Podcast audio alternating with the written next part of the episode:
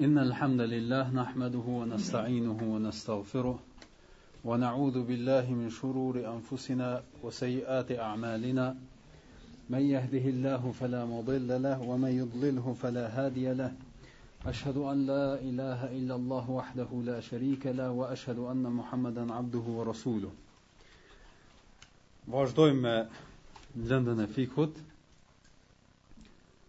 Sot do të flasim rreth rreth kohëve kur ndalohet falja e namazit. Fillimisht para se me fillu me me shpjegu vetëm desha me me tregu se meselet të cilat do t'i trajtojmë sot nuk janë aq thelbësore që kanë të bëjnë me me dispozitat në përgjithësi, do thot aq shumë që çojnë peshë, mirëpo duke pas parasysh edhe unë, po edhe shumë prej hoxhallarve, bahen shumë pytje rreth këtyne çështjeve, kështu që e pashë t'arsyshme, megjithatë, do thot të ndalemi pak, për arsye se Janë mesele që shpesh ndodh që të pyetemi edhe kërkohen sqarime, kështu që mirë është do të thotë qashtu që e kemi ba metodologji dhe mund të sqarojmë meselet qartë, do të thotë duke pas parasysh se se cila çështje, se cila mesele ku e ka vendin, kështu që edhe juve ju lehtësohet perceptimi i, i gjërave, edhe bi idhnillah i largoni edhe ato paqartësi që keni kanë të bëjnë domthon me këto me këto shumë pyetje të cilat na i na i parashtroni.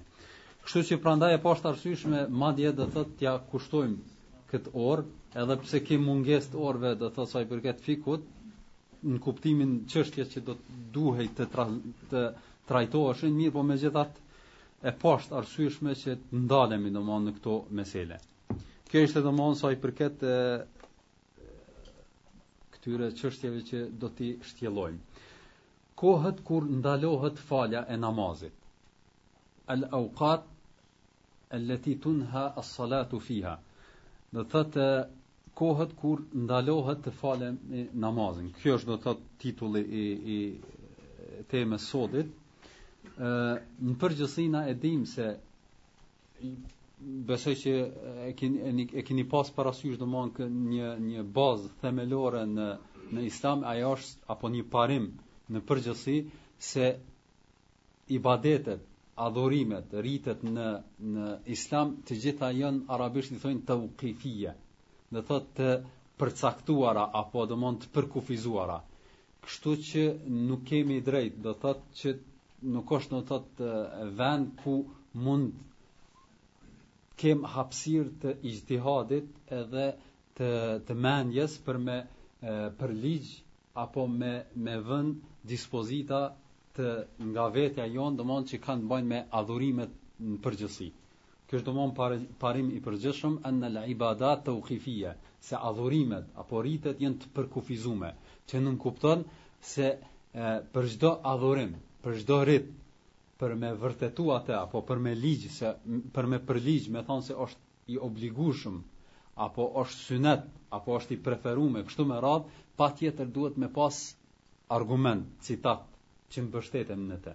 Kjo në përgjithësi, edhe tek namazi, i cili konsiderohet një adhurim nga adhurimet më të rëndësishme, më thelbësore për muslimanin. Pastaj, është një adhurim që në vërtetë gërshetohet do të thotë edhe ana shpirtërore e njeriut, edhe ajo ana materiale apo fizike, me anë të këtij adhurimi, edhe e dimë vlerën e këtij namazi në përgjithësi, me gjithë këtë, do të thotë për çdo çështje që kanë të bëjnë me namazin, vlerën, formën, mënyrën, sasinë, llojin e kështu me radhë, do të thotë që kanë të bëjnë me namazin, për gjitha këto duhet të mbështetemi në argumente të qarta, qoftë prej Kur'anit, librit të Allahu subhanahu wa taala, qoftë nga hadithi i pejgamberit sallallahu alaihi wasallam. Prandaj, duke pas parasysh këtë që jemi duke apo i mbështetemi argumentit edhe citateve në e, përligjen e të gjitha gjërave, atëherë duke i pas parasysh e, disa hadithe të pejgamberit alejhi selam kuptojmë se Me gjithë vlerën e këtij adhurimi, që është fjala për namazin, pejgamberi sallallahu alajhi wasallam disa kohë të caktuara ka ndalu faljen. Do thot është e ndalu ne falja. Tash kjo ndalesë ë është do thot e e përgjithësume, disa prej ulemave kanë marrë kuptimin e ndalesës si haram, në kuptimin se është mëkat të falemi, disa tjerë kanë qenë më më të butë edhe kanë thënë se është do të thotë e urrejtur, do të thotë tek ulemat hanefi përdoret termi mekruh tahrimen, domethënë që arrin pothuajse shkallën e e ndalesës, domethënë haramit. Në përgjithësi do thotë do të qasemi për këto kohë, do, në këtë orë. Cilat janë këto kohë? Në të cilat ndalohet do të thotë falja. Pejgamberi alejhi selam i ka, i ka cek disa hadithe, mirëpo para se me dalë tek hadithet, ne e, keni kujdes do thotë që tash kur i cekim kohët, me pas parasysh se ndarja ka mundësi me u kompliku në vazhdim. Në formë të përgjithshme janë tri kohë. Mirëpo në formë do thot të, të detajzume janë pesë kohë. Cilat janë ato? Do thot ato në formë të përgjithshme e para është prej pas faljes së namazit të sabahit, deri në lindjen e diellit edhe të ngrihet dielli sa gjatësia e një shtize apo shëgjete. Kjo është domethan koha e parë. Koha e dytë është kur dielli qëndron apo arrin zenitin. Është fjala kupën e qiellit, do thotë kur kur të është në mes të qiellit, atëherë ndalohet falja. Kjo është koha e dytë. E treta është kur e falim namazin e ikindis, prej pas namazit të ikindis deri në perëndim të diellit, do të thotë deri në hyrjen e kohës së namazit të akshamit. Këto janë tri kohë në form përgjithsume, në formë ma detajzume janë pesë. Cilat janë ato? E para është prej pas faljes së namazit sabahit, do të thotë farzit, deri afër lindjes. Kjo është koha e parë, do të thotë deri afër lindjes. Koha e dytë është prej fillimit të lindjes së diellit, deri sa të arri do të thotë një shtiz. Do të ngrihet dielli një shtiz. Kjo është koha e dytë. Koha e tretë është prej e momentit kur është fjala do thot kur dielli është në zenit në në në mes të qiellit deri sa të fillon do thot e kalon do thot pjesën gjysën apo mesin edhe fillon do thot me anu ka perëndimi kjo është do thot koha e tretë edhe koha e katërt është prej pas namazit të ikindis deri afër perëndimit edhe e pesta Prej fillimit të perendimit deri sa të perendojë dielli në tërësi. Këto janë pesë kohë në form përgjithshme. Në form det, detajzume, domethan pak ma ma gjerësisht. Do thotë pesë kohë në kuptimin do thotë detajisht kurse tri kohë në form përgjithsume. Do thot dy kohë e kuptu tash për çka është fjala, do thot prej pas sabahit deri afër lindjes. Kjo është domethan një kohë e, e, e detajzume pak ma qartë, edhe koha tjetër është prej pas ikindis, namazit ikindis deri sa kur të afrohet ë do thot fillon perëndimi i diellit. Këto dy kohë. Pse është ba ky detajzim tek tek ulemat? Do të thotë pse do të thotë nuk nuk është ba krejt një kohë. Kjo është kështu për arsye se qëto dy kohë që janë pak ma ma të detajzume, ndalesa nuk është shumë e madhe apo ma e rand se sa këto tri kohë tjera. Do të thotë është ma e ndalesa është ma e rand këto tri kohë tjera se sa në këto në këto kohë. Prandaj edhe ulemat e kanë ba këtë këtë dallim Pastaj duke ia shtu kësaj qysh vjen, do thotë hadithit, të cilin do ta do ta trajtojmë pak më vonë, vërtetohet se në qito tri kohë ë do thotë kur është e ndalume falja, gjithashtu në këto tri kohë ndalohet edhe e, var, varrimi domethënë i të vdekurit. qysh vjen në një hadith tjetër. Do thotë kur është dielli duke lind, kur është në kupë t'qiellit dhe është afër apo duke perendu, është e ndalume me ba varrimin e, e muslimanit. Do thotë me me u marr me varrimin e pejga, e, e muslimanit. Ka ndalu Muhamedi sallallahu alajhi wasallam. Kurse mas do thotë mas sabahit menjëherë, mas namazit sabahit kur ka kohë për shembull 20 minuta, një orë kështu me radhë, Atëherë lejohet me ba varrimin derisa të afrohemi tek perendimi, o tek lindja, ose e kundërta do të thotë, do të thotë namazin e, e mas ikindis lejohet me ba varrim, ashtu siç është e përhapur tek ne në përgjithësi, si bëhet varrimi pas pas e, ikindis. Mirëpo kur afrohemi tek perendimi, atëherë është e ndalum me ba varrimin e të vdekurit.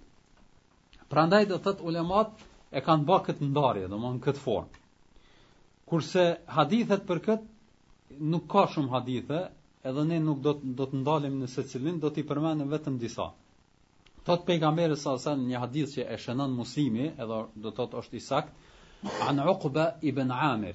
Po thot pejgamberi salasalam, thalathu sa'atin kana an-nabi sallallahu alaihi wasallam yanhana an nusalli fihin wa an naqbura fihin mautana.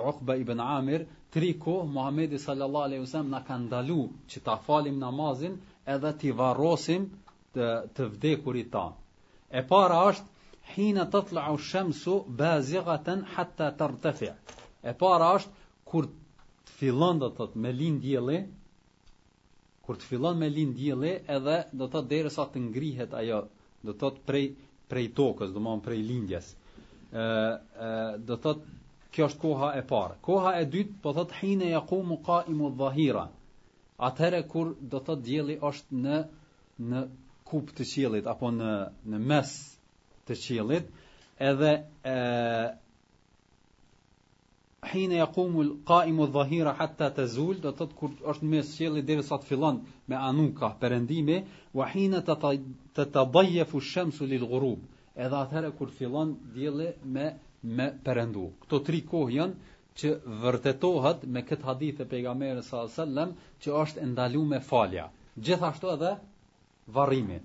Kurse sa i përket atyre dy kohëve të cilat i cekëm, edhe për këtë kemi hadithe nga pejgamberi sallallahu alajhi wasallam, gjithashtu të sakta që i shënon Buhariu e Muslimi me me transmetime të të të mjaftueshme dhe shumta edhe pse kanë ardhur kuptimet apo fjalë të ndryshme, mirëpo kuptimi është i njëjtë, po thot pejgamberi sallallahu alaihi wasallam transmetohet nga Abu Said al-Khudri se thot la salata ba'd al ba'd al fajr hatta domethënë hatta tatlu ash-shams Po thot pejgamberi sa sa në një hadith që e shënon Ebu Said el-Huderiu se nuk ka namaz pas namazit të sabahit derisa të ngrihet dielli. Edhe nuk ka namaz pas namazit të ikindisë derisa të perëndojë dielli. Kjo është do të thotë hadithi që e shënon Muslimi, Buhariu edhe edhe shumë të tjerë, ka ardhur qysh thash pak më herët me me me fjalë të ndryshme, do thotë edhe me transmetime të ndryshme, mirëpo ky është kuptimi i hadithit në përgjithësi. Nuk do t'i cekim do thotë më shumë hadithet, po këto dy hadithe mund të themi janë bazë, edhe na mjaftojnë ne me kuptu do thotë ndalimin e faljes së namazit në këto pesë kohë. A e kuptuat? Deri këtu e mort vesh, ha? Mirë. Për arsye se tash fillojmë, do thotë, trajtimi i krejt atyre dispozitave që nxjerren nga këto, nga kjo çështje. Ndoshta është e rrugës të sqarohet edhe ajo meselja se çfarë është urtësia e ndalimit të faljes. në këto kohë. E përmendin fukahat në nëpër libra, edhe pse duhet me pas parasysh një mesele që është e rëndësishme këtu, ajo është se në përgjithësi kur flasim për urtësinë, e, ki, e keni do të thotë po kuptoni çfarë kemi për qëllim urtësia, domthonë çka është ajo ajo urtësia apo çka është ajo nëse mund të them me thënë fshehtësia se Muhamedi sallallahu alajhi wasallam ka ndalu faljen n'këto kohë. Na dojmë, do të thotë fillimisht duhet me pas parasysh se çdo urdhëresë, edhe ndalesë e Allahut, pikësëpari Allahut subhanahu wa taala, pastaj pejgamberit sallallahu alajhi wasallam nuk është esenciale tek besimtari shikimi i urtësisë, edhe i fshehtësisë se pse ka ndodhur ajo, urdhëresë apo ndalesë. Nuk është esenciale. Për arsye se e, besimtari është i urdhërum me, me e pasu e, librin e Allahut subhanahu wa ta'ala dhe sunetin e pejgamberit sallallahu alaihi wasallam pa kërku domethonë shpjegim për të gjitha gjërat.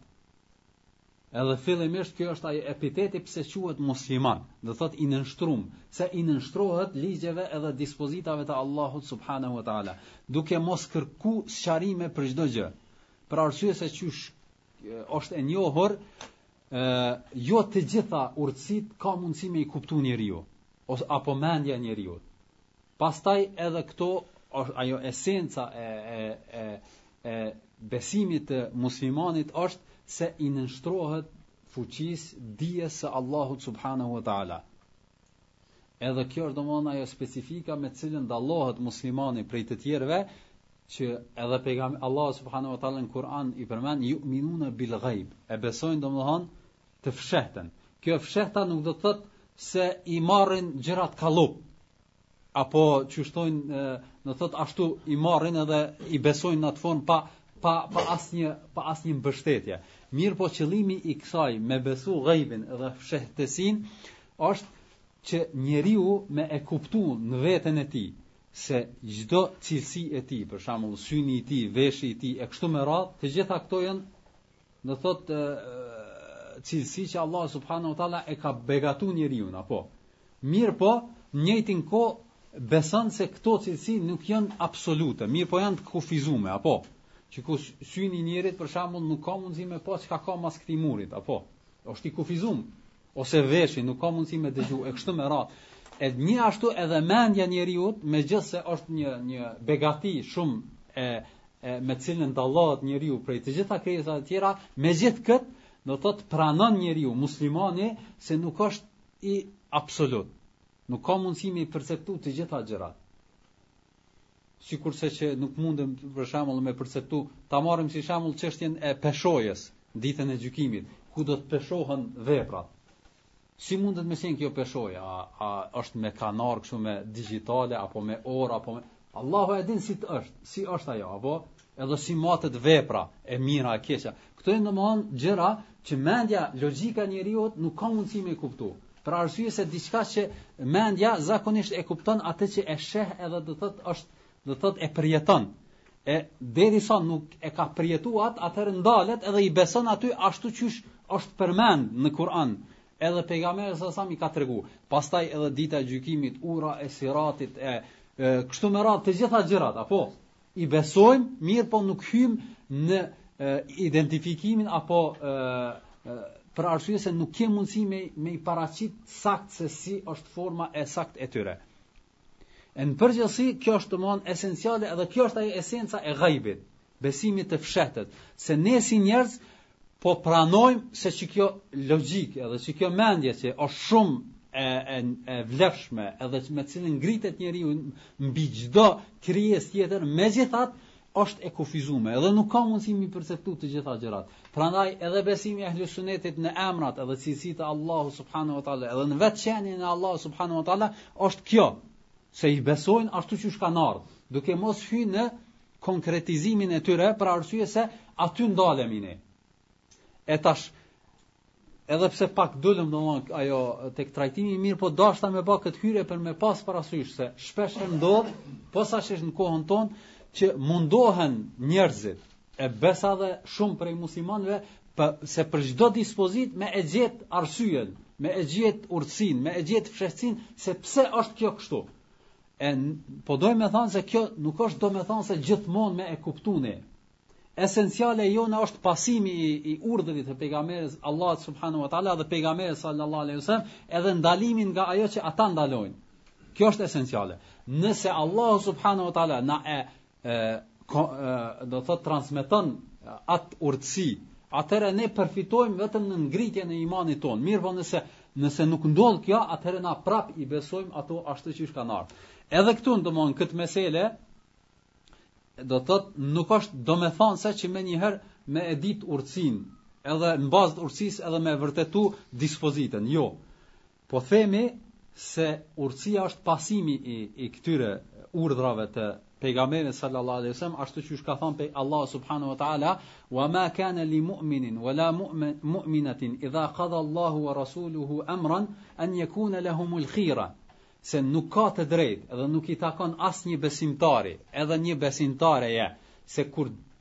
Do të thotë kur kur kur përcakton Allahu subhan Allahu i lartësuar ndonjë çështje, edhe i dërguari i tij që ata të kërkojnë zgjidhje tjetër. Po do të thotë obligimi i muslimanit është me u ndal aty ku ku ka kërku Allahu subhanahu wa taala dhe pejgamberi sallallahu alaihi wasallam. Kjo është domethan esenciale tek besimtari. në çdo në çdo çështje. Kurse sa i përket urtësisë në këtë pikë, do thotë në ndalesën, janë disa hadithe që pejgamberi sallallahu alaihi wasallam i cek, ajo është se thotë kur ndodh lindja e diellit, atëherë pejgamberi sallallahu alaihi wasallam ka thanë se lind ndërmjet brinjve të shejtanit. Prandaj edhe kanë ndalu faljen, edhe kanë thënë disa pej ulemave, kjo është urtësia për arsye se ë është do të thotë moment gjithashtu që e, adhuruesit e diellit edhe pabesimtarët në përgjithësi është moment që e, i luten diellit. Edhe shejtani domethon e e e ka dëshirë do të thotë që të mohohet Allahu subhanahu wa taala, edhe i rrin gati kësaj pune, prandaj edhe pejgamberi sallallahu alajhi wasallam ka ndalu kët mos me i gjasu kujt, adhuruesve domthon të diellit edhe mushrikinëve në përgjithësi. Prandaj ndalohemi nga falja në këto momente. Pastaj gjithashtu edhe për Momentin kur dielli gjindet në zenit, pejgamberi sallallahu alaihi wasallam ka thanë në një hadith të saktë gjithashtu se kjo kur dielli gjindet në mes, në kupë të qiellit, është momenti kur e, kur xhehenemi ndizet ma shumë. Tusejjer do thot el xhehennem, do thot kur xhehenemi ma së shumti ndezet, do thot fillon atëherë do thot ta ketë flakën ma të madhe. Prandaj edhe ndalohemi nga falja e namazit. Këto janë do thot disa nga urtësitë që ulemat fukahat i përmendin, edhe ne i përcjellim mirëpo duke pas parasysh atë pikën para kësaj që e diskutuam. Mesela tjetër e cila ka të bëjë me ndalimin e faljes në këto kohë është ajo se a ka ndonjë përjashtim nga këto ndalesa. Me fjalë të tjera, a është a është e ndalume të falet çdo namaz apo përjashtohen disa namaze në përgjithësi. E kjo është domthon aty ku kërkohet domthon të ndalemi pak më shumë për arsye se Fillon do të thotë trajtimi edhe mospajtimi i ulemave në përgjithësi. Ë ma së pari duhet me pas parasysh nëse ulemat e medhhebit Hanefi në përgjithësi ë janë ata që më së shumti janë mbështet kësaj ndalese. Edhe janë, do thot janë kap kësaj ndalese, do thot ndalesës së faljes së namazit në këto kohë. Edhe vërtetohet edhe pse në disa libra të tyre kjo vjen do thot vërtetohet sikurse mekruh do thot tahrimen megjithatë do thot e konsiderojnë prej kohëve do thot këto tri kohë posaçërisht që muslimani duhet me u largu faljes së çfarëdo namazi madje ka prej tyre do thot ulema hanefi të cilët kanë ndalu edhe faljen e farzeve Si mundet do thot faljen e farzeve, faljen e farzeve për shembull nëse jemi çu nuk e kemi fal namazin e sabahit edhe jemi çu mu në momentin kur është duke lind dielli. Atëherë ulemat Hanefi thonë se edhe në këtë moment edhe falja e namazit farz është e ndalume, edhe ma mirë është me prit derisa të lind, edhe të ngrihet dielli sa do thot një do thot sa një shtiz se sa me fal namazin në atë moment. Kështu do thot ata argumentojnë, thonë edhe për kët mbështeten në një hadith gjithashtu të sakt e ajo është hadithi të cilin e shënon Imam Muslimi në sahihun e tij. Rasti nuk e di a e keni dëgju se e, në një rast Muhamedi sallallahu alaihi wasallam ka qenë me një ekspeditë të ushtarëve, domethënë ushtarë musliman, duke kthy nga një betejë. Edhe kanë ardhë, duke, duke udhëtu rrugës, kanë qenë të lodhur edhe të raskapitur shumë, janë ndalë me pushu në mbramje vonë. Edhe para se me ra me fjetë, Muhamedi sallallahu alaihi wasallam e e e hapi domthon preokupimin se ka mundsi me ju ik namazi i sabahit pa e fal, kështu që e bani këtë si problematike, se çfar çfar të veprojnë. Për arsye se të gjithë ishin të lodhur, e kishte frikë se mos po i zën gjumi, ishte afër, do thot sabahu, edhe mos po ju kalon namazi i sabahit. Atëherë Bilali radiallahu ta'ala anhu, ashtu që ka qenë i kujdesshëm, edhe në thirrjen e ezanit edhe në paralajmërimin e muslimanin muslimanëve për hyrjen e kohëve, thot o i dërgumi i Allahut thot flani ju edhe un do do të rri çut, që mos me kalu koha, që me qenë në shërbimin e muslimanëve në përgjithësi. Atëherë Muhamedi sallallahu alaihi wasallam qetësohet edhe bin me fjet gjithë. Edhe Bilali radiallahu ta'ala anhu qëndron duke prit namazin e sabahit. Mirëpo, pasi që ishte i lodhur edhe ky shumë, e kap e zën gjumi edhe kët. Edhe tregon Bilali radiallahu ta'ala anhu thot se i del gjumi veçse duke do të thot prej diellit kur kur ka qenë duke fjet edhe i bjen ajo rrezja e diellit edhe fillon mu n, me me me u nxe do të thot dita edhe atëherë thot më del gjumi do të thot masi që ka kalu koha e sabahit edhe ngrihet Bilali radiallahu ta'ala anhu edhe i thirr e thirr ezanin do të thot në atë moment që që i i, i çel syt. Atëherë Muhamedi sallallahu alaihi wasallam kur zgjohet thotë çfarë ke vepru edhe i tregon se çfarë ka ndodh, atëherë Muhamedi sallallahu alaihi wasallam urdhëron që të çohen gjithë edhe me me e liru apo me lëshu atë vend edhe me shku mu falë në tjetër vend. Edhe ka thonë se në këtë vend ka prezentu shejtani.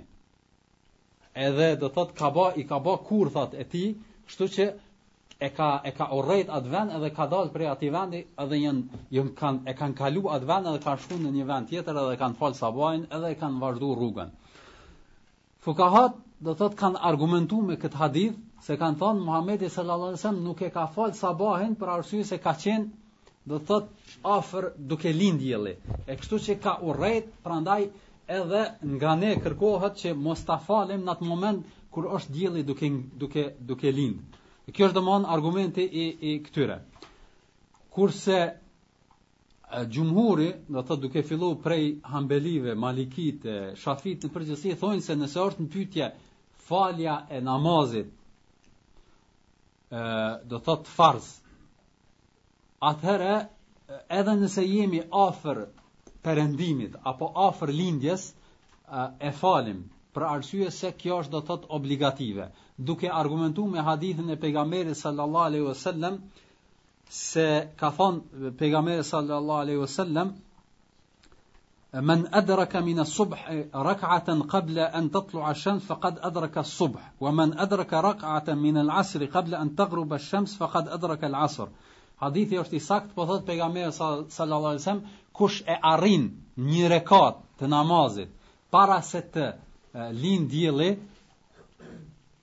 Do thot qoftë edhe një rekat të vetme para se të lind dielli, atëherë ai e ka arrit sabahun. Edhe kush e arrin me fal një rekat para se të perëndoj diellin, ai e ka arrit faljen e ikindis. E detyrimisht do thot hadithi është i saktë e shënon Buhariu dhe Muslimi. Detyrimisht nga ky hadith kuptojmë se derisa falja po u bojka me një rekat do thot, atëherë kjo falje ka ndodhur gjatë perëndimit edhe lindjes së diellit, apo. Kështu që nënkupton se po u përjashtojka nga kjo ndalesë e përgjithshme falja e namazit farz. A e kuptum? Kjo është do të thot përjashtimi i parë. Besoj që u qartësu. Përjashtimi i dytë ka të bëj kazaja. Apo me fjalë tjera, nëse nuk e kemi falë ndonjë namaz farz, edhe na kujtohet në atë moment. Sikurse që është për shembull, ta, ta zem, e kemi, ka hy, do thot koha e ikindis. Ka hy koha e ikindis. Edhe e falim namazin e ikindis. Mirëpo kur ta përfundojmë namazin e ikindis, na kujtohet se nuk e kemi falë namazin e drekës. Apo? Ose, ta zem që e kemi falë, po na kujtohet se e kemi falë pa abdes, për shembull. Atëherë, çka duhet me vepru? është moment kur ndalohet falja, apo? Mirëpo neve nuk e kemi falë një namaz që është namaz i drekës, për shembull, ose i sabahit e kështu me radhë. Atëherë nga ne kërkohet me e fal namazin në atë moment që na kujtohet. edhe pse është kohë apo koha në të cilën e falim atë kohë e ndaluar, për arsye se ka përjashtim.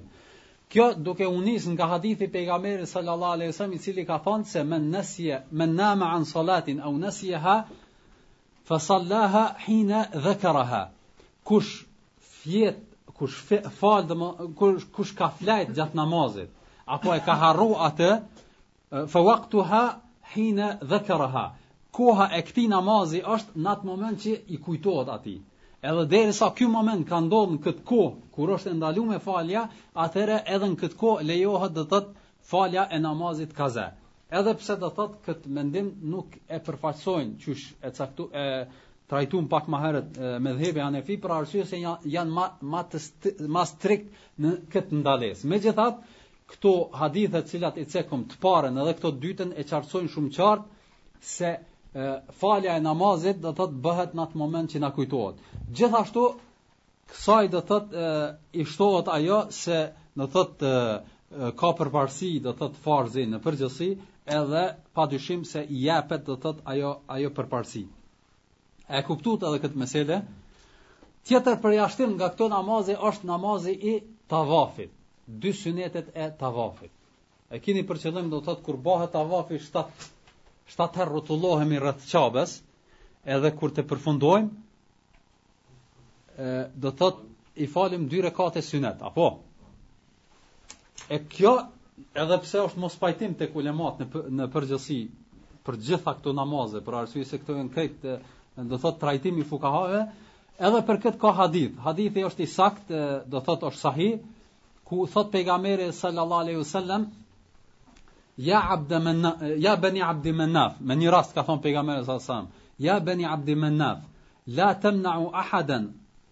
Sa e, e o o do thot Beni Abdi Men, Menaf kanë qenë një fis e, që ka rrjedh prej familjes së Kurejshitëve që e kanë pas për nder përkujdesjen rreth Qabës në përgjithësi. Do thot është një një një loz e familjes së Kurejshitëve që e kanë pas nën përkujdesje shërbimin e haxhive edhe qabës në përgjithësi.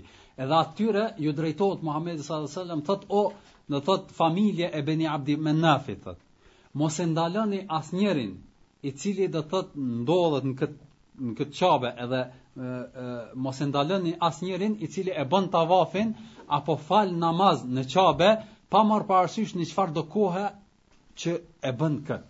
Do thot kështu ka thënë pejgamberi s.a.s. në këtë hadith që nënkupton se Muhamedi sallallahu alaihi wasallam po i këshillon ata që me e fal do të thotë mos mi ndalu me nga falja e namazit ta, të tavafit pa marr parasysh se çfarëdo kohe ndodh kjo. Qoftë edhe gjatë afër perëndimit apo mas ikindis apo mas sabahit e kështu me radhë. A e kuptuat?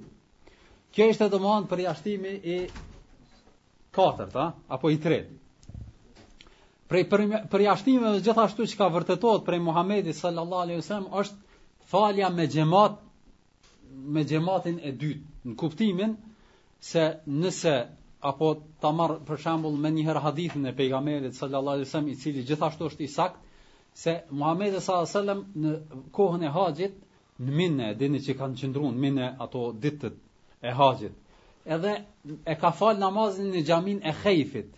Mesxhidul Hejf apo Hif është një xhami e madhe kush ka qenë në në haxh e din domethënë n'Minë është xhamia e madhe edhe aty do thot e ka fal sabahun edhe kur e ka fal sabahun është kthy para xhamatit ashtu që ka pas tradit Muhamedi sallallahu alaihi wasallam edhe e ka pa që është dy persona duke qëndru duke ndej pa u fal me xhamatin.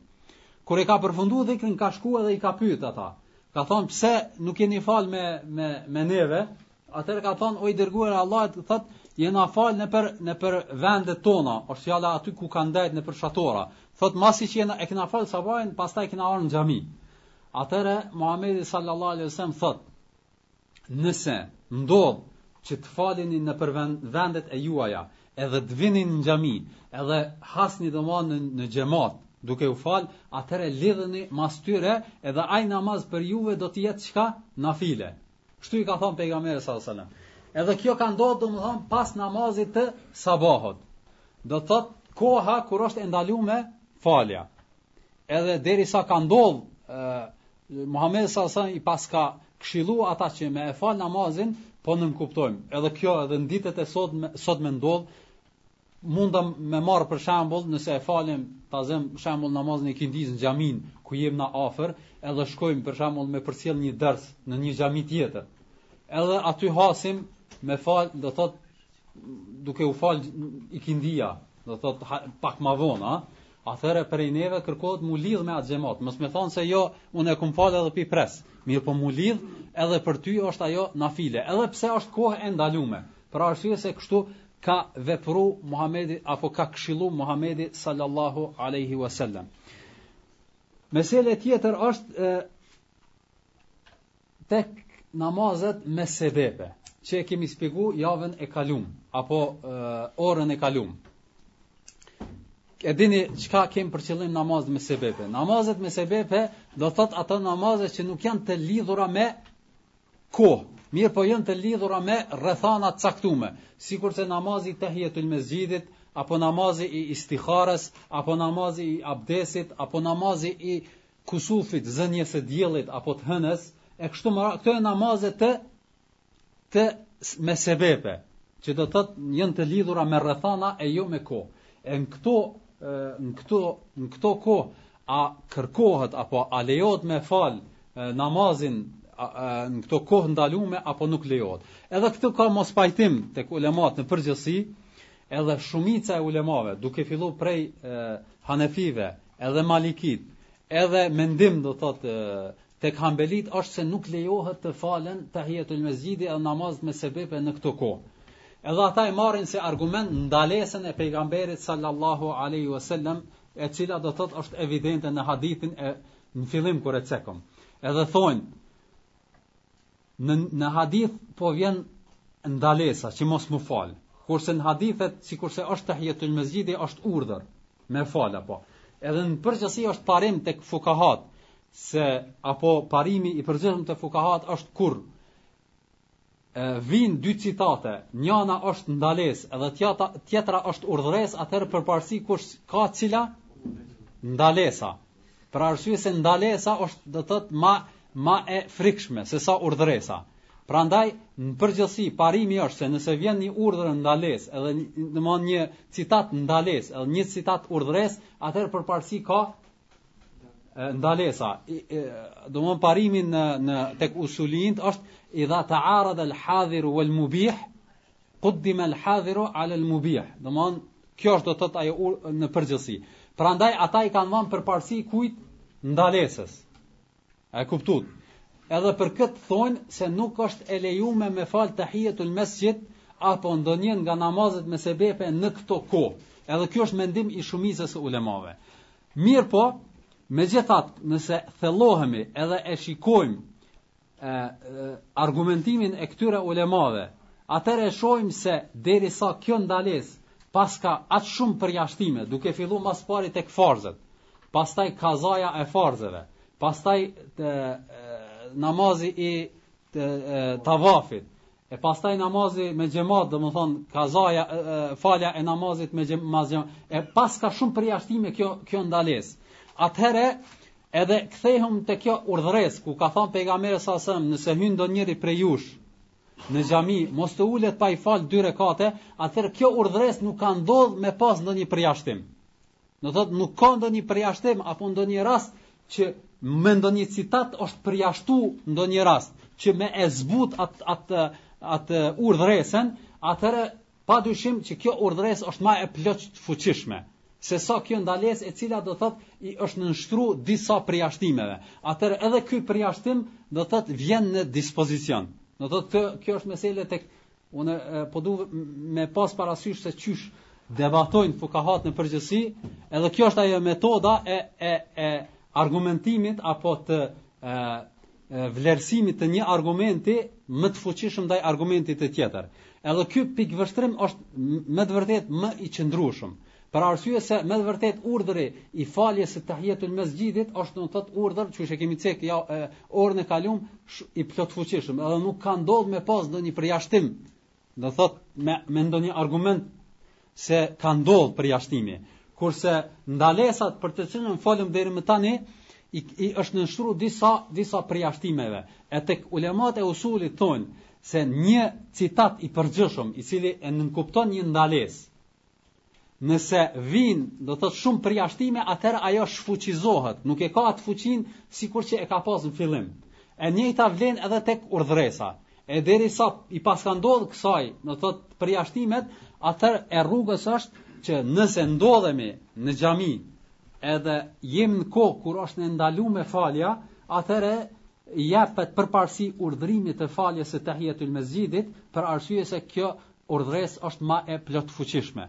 Unë prapë po them, e, mendimi i shumicës është e kundërta.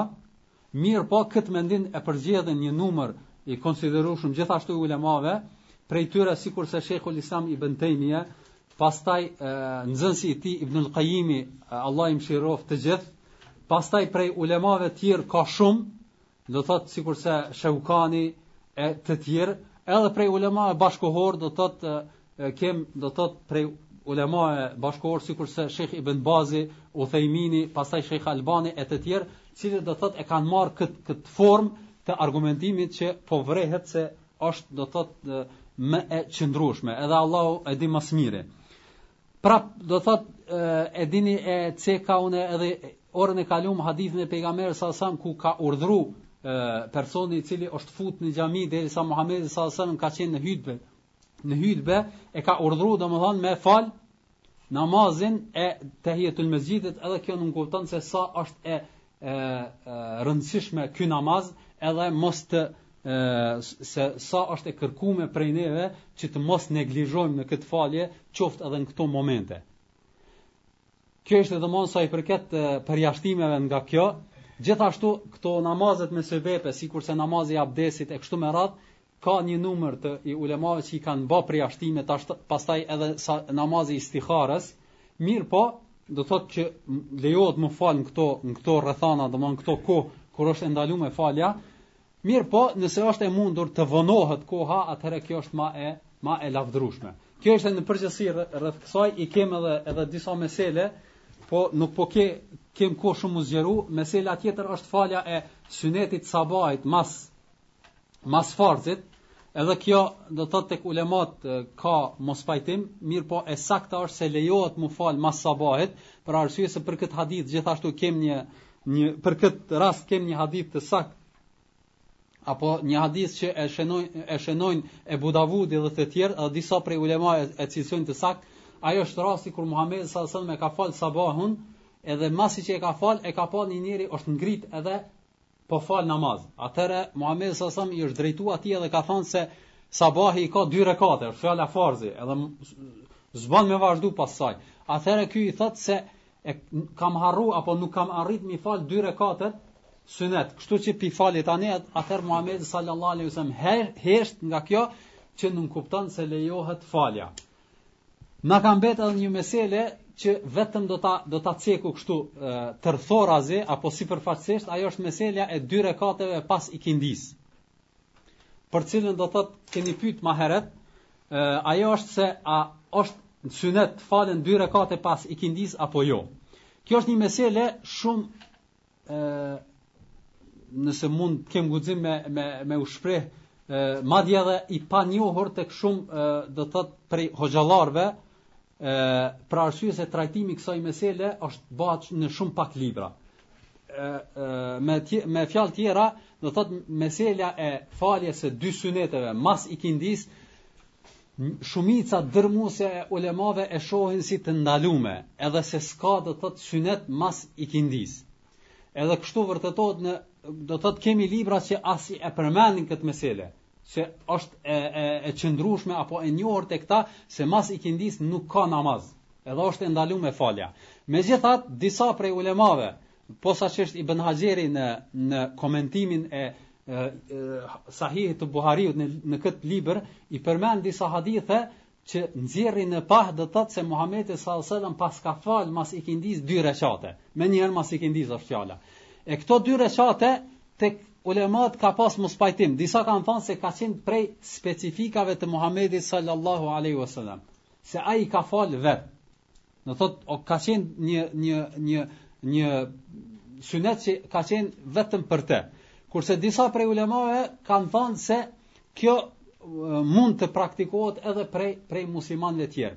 Megjithatë do thot është meselë e gjatë, s'po du me u zgjeru shumë, vetëm po du me kallëzu se sa ka qenë e, e do thot mospajtimi i gjan edhe shumë prej prej prej sahabëve nuk e kanë ditë se Muhamedi sallallahu alajhi wasallam e ka fal këtë namaz, kështu që disa nga tabein, disa nga sahabit që kanë qenë pak më t'ri, sikurse Ibn Abbasi, Misweri e disa të tjerë, Abdulrahman ibn Azhar e të tjerë kanë qenë pak më t'ri, edhe kanë pa një lloj një lloj do thot paqartësi në këtë meselë, edhe e do thot e caktojnë një njeri që e ka pas emën Kurejb, ky ka qenë domosht shërbëtor i Ibn Abbasit thon ti me shku te Aisha radhiyallahu ta'ala anha edhe me pyet për kto dy rekate synet mas ikindis çka është puna e tyne. Edhe ky shkon edhe pyet Aishën, thot kështu kështu ku marr prej këtyne, Do të thotë sehabët që kanë qenë pa dyshim të njohur për të neve te, mirëpo në atë kohë kanë qenë djem të ri këta, edhe kanë pa te sehabet një lloj paqartësie, dikush po i falë, dikush po i falë, dikush po i ndalon e kështu me radhë, edhe me, me e kuptu se çka është meselja këtyne. Atër Aisha nguron me folë, thot shkoni edhe pyt në kon Umu Seleme, gruan tjetër të pejgamberit sallallahu alajhi wasallam, edhe Ky Kurejbi shkon e pyet Umu Selemen. Thot çka është puna e këtyre dy rekateve synet mas mas ikindis. Atëherë Muhammed ky Umu Seleme thot Me një rast derisa kam qenë në shtëpinë time, Muhamedi sa sa pasi që e ka fal ikindin, vjen tek do të thotë në shtëpinë time, e thot kanë qenë ka pas gra në shtëpinë time, e thot e shoh duke duke u lidh edhe mi fal dy rekate. E thot e dërgoj një shërbëtore timen që me e sqaru se çka është mesela këtyne dy rekateve. Do të thotë ti po i fal tash, edhe kurse e, i ke ndalu apo ke ndalu faljen në këtë kohë. Atëherë Muhamedi sa sa derisa ka qenë namaz, ka bë me dorë. Do të thotë që do të thotë me u largu derisa ta kryj namazin. Kur e ka përfundu namazin, ka thonë se këto dy rekate që i kum fal, thot i kum fal për shkak se ka pas punë mas namazit të drekës, edhe nuk ka arrit mi fal dy rekatet pas dreke. Edhe kështu i ka bë kaza mas ikindis. E thot këto janë domon dy rekate kaza mas ikindis. Edhe vërtetohet nga Aisha radhiyallahu ta'ala anha se prej asaj kohe Muhamedi sallallahu alaihi wasallam ka pas praktik se kur e ka fillu një punë Do thot nuk ka pas dëshirë mu me me ndërpre. Edhe ka fillu gjithmonë me fal, mi fal dy rekate mas ikindis. Për arsye se e ka bë, do thot e ka bë shprehi. Mirëpo nuk ka thirr në faljen e këtyre dy rekateve. Edhe nuk e ka preferu në ndonjë hadith me me me thanie, vetëm me vepër vërtetohet se i ka fal. Edhe disa nga sahabet duke pa praktikën e Muhamedit sallallahu alaihi wasallam edhe dëshirën me e pasu Muhamedin sallallahu alaihi wasallam në çdo punë kanë fillu edhe ata me e fal kët namaz në kët formë edhe vërtetohet një numër i sahabeve sikurse ka qenë Aisha radhiyallahu ta'ala anha pastaj e, prej sahabeve gjithashtu vërtetohet e, Aliu radhiyallahu anhu e të tjerë një numër i sahabeve gjithmonë e kanë fal kët namaz E disa të tjerë kanë ndalu nga falja duke pas parasysh hadithin të cilin e cekëm pak më herët se Muhamedi sallallahu alajhi wasallam ka fal, ka ndalu faljen e ikindisë, domethënë pas ikindisë namaz. E këto do thotë kontradita janë të njohura tek ulemat edhe e vazhdojnë domethënë debatimet e ulemave, megjithatë Shumica dërrmuese të ulemave thonë se ky këto dy rekate sunet ka qenë specifike Muhamedit sallallahu alajhi wasallam që e ka praktiku. Edhe disa nga sahabët e kanë pasu atë e kanë pasu nga dëshira e tepërt në në pasimin e Muhamedit sallallahu alajhi wasallam në çdo vepër. Na e dimë edhe në gjëra të lejume e kanë pasu Muhamedin sallallahu alajhi wasallam ashtu qysh vërtetohet nga Ibn Umeri e të tjerë. E le mo në punë të hajrit, do thotë namaz e kështu me radhë, që kanë qenë të përkushtum edhe në çdo vepër sado që me qenë e thjeshtë e kanë pasu edhe këtu e kanë pasu kurse sa i përket neve ë themi se do thotë më mirë është të lihen këto dy rekate edhe mos të falen për arsye se është ma e përgjithshme do thotë duke iu mbështet të gjitha argumenteve të cilat ndalojnë edhe me e lan këtë si specifik të Muhammedit sallallahu alaihi wasallam. Megjithatë, edhe nëse dikush e praktikon apo thi, thirr në këtë sunet, nuk është e rrugës që t'i mohohet, për arsye se ka në këtë selef, domethënë pasues, edhe pre, duke fillu prej Muhammedit sallallahu alaihi wasallam edhe prej sahabëve.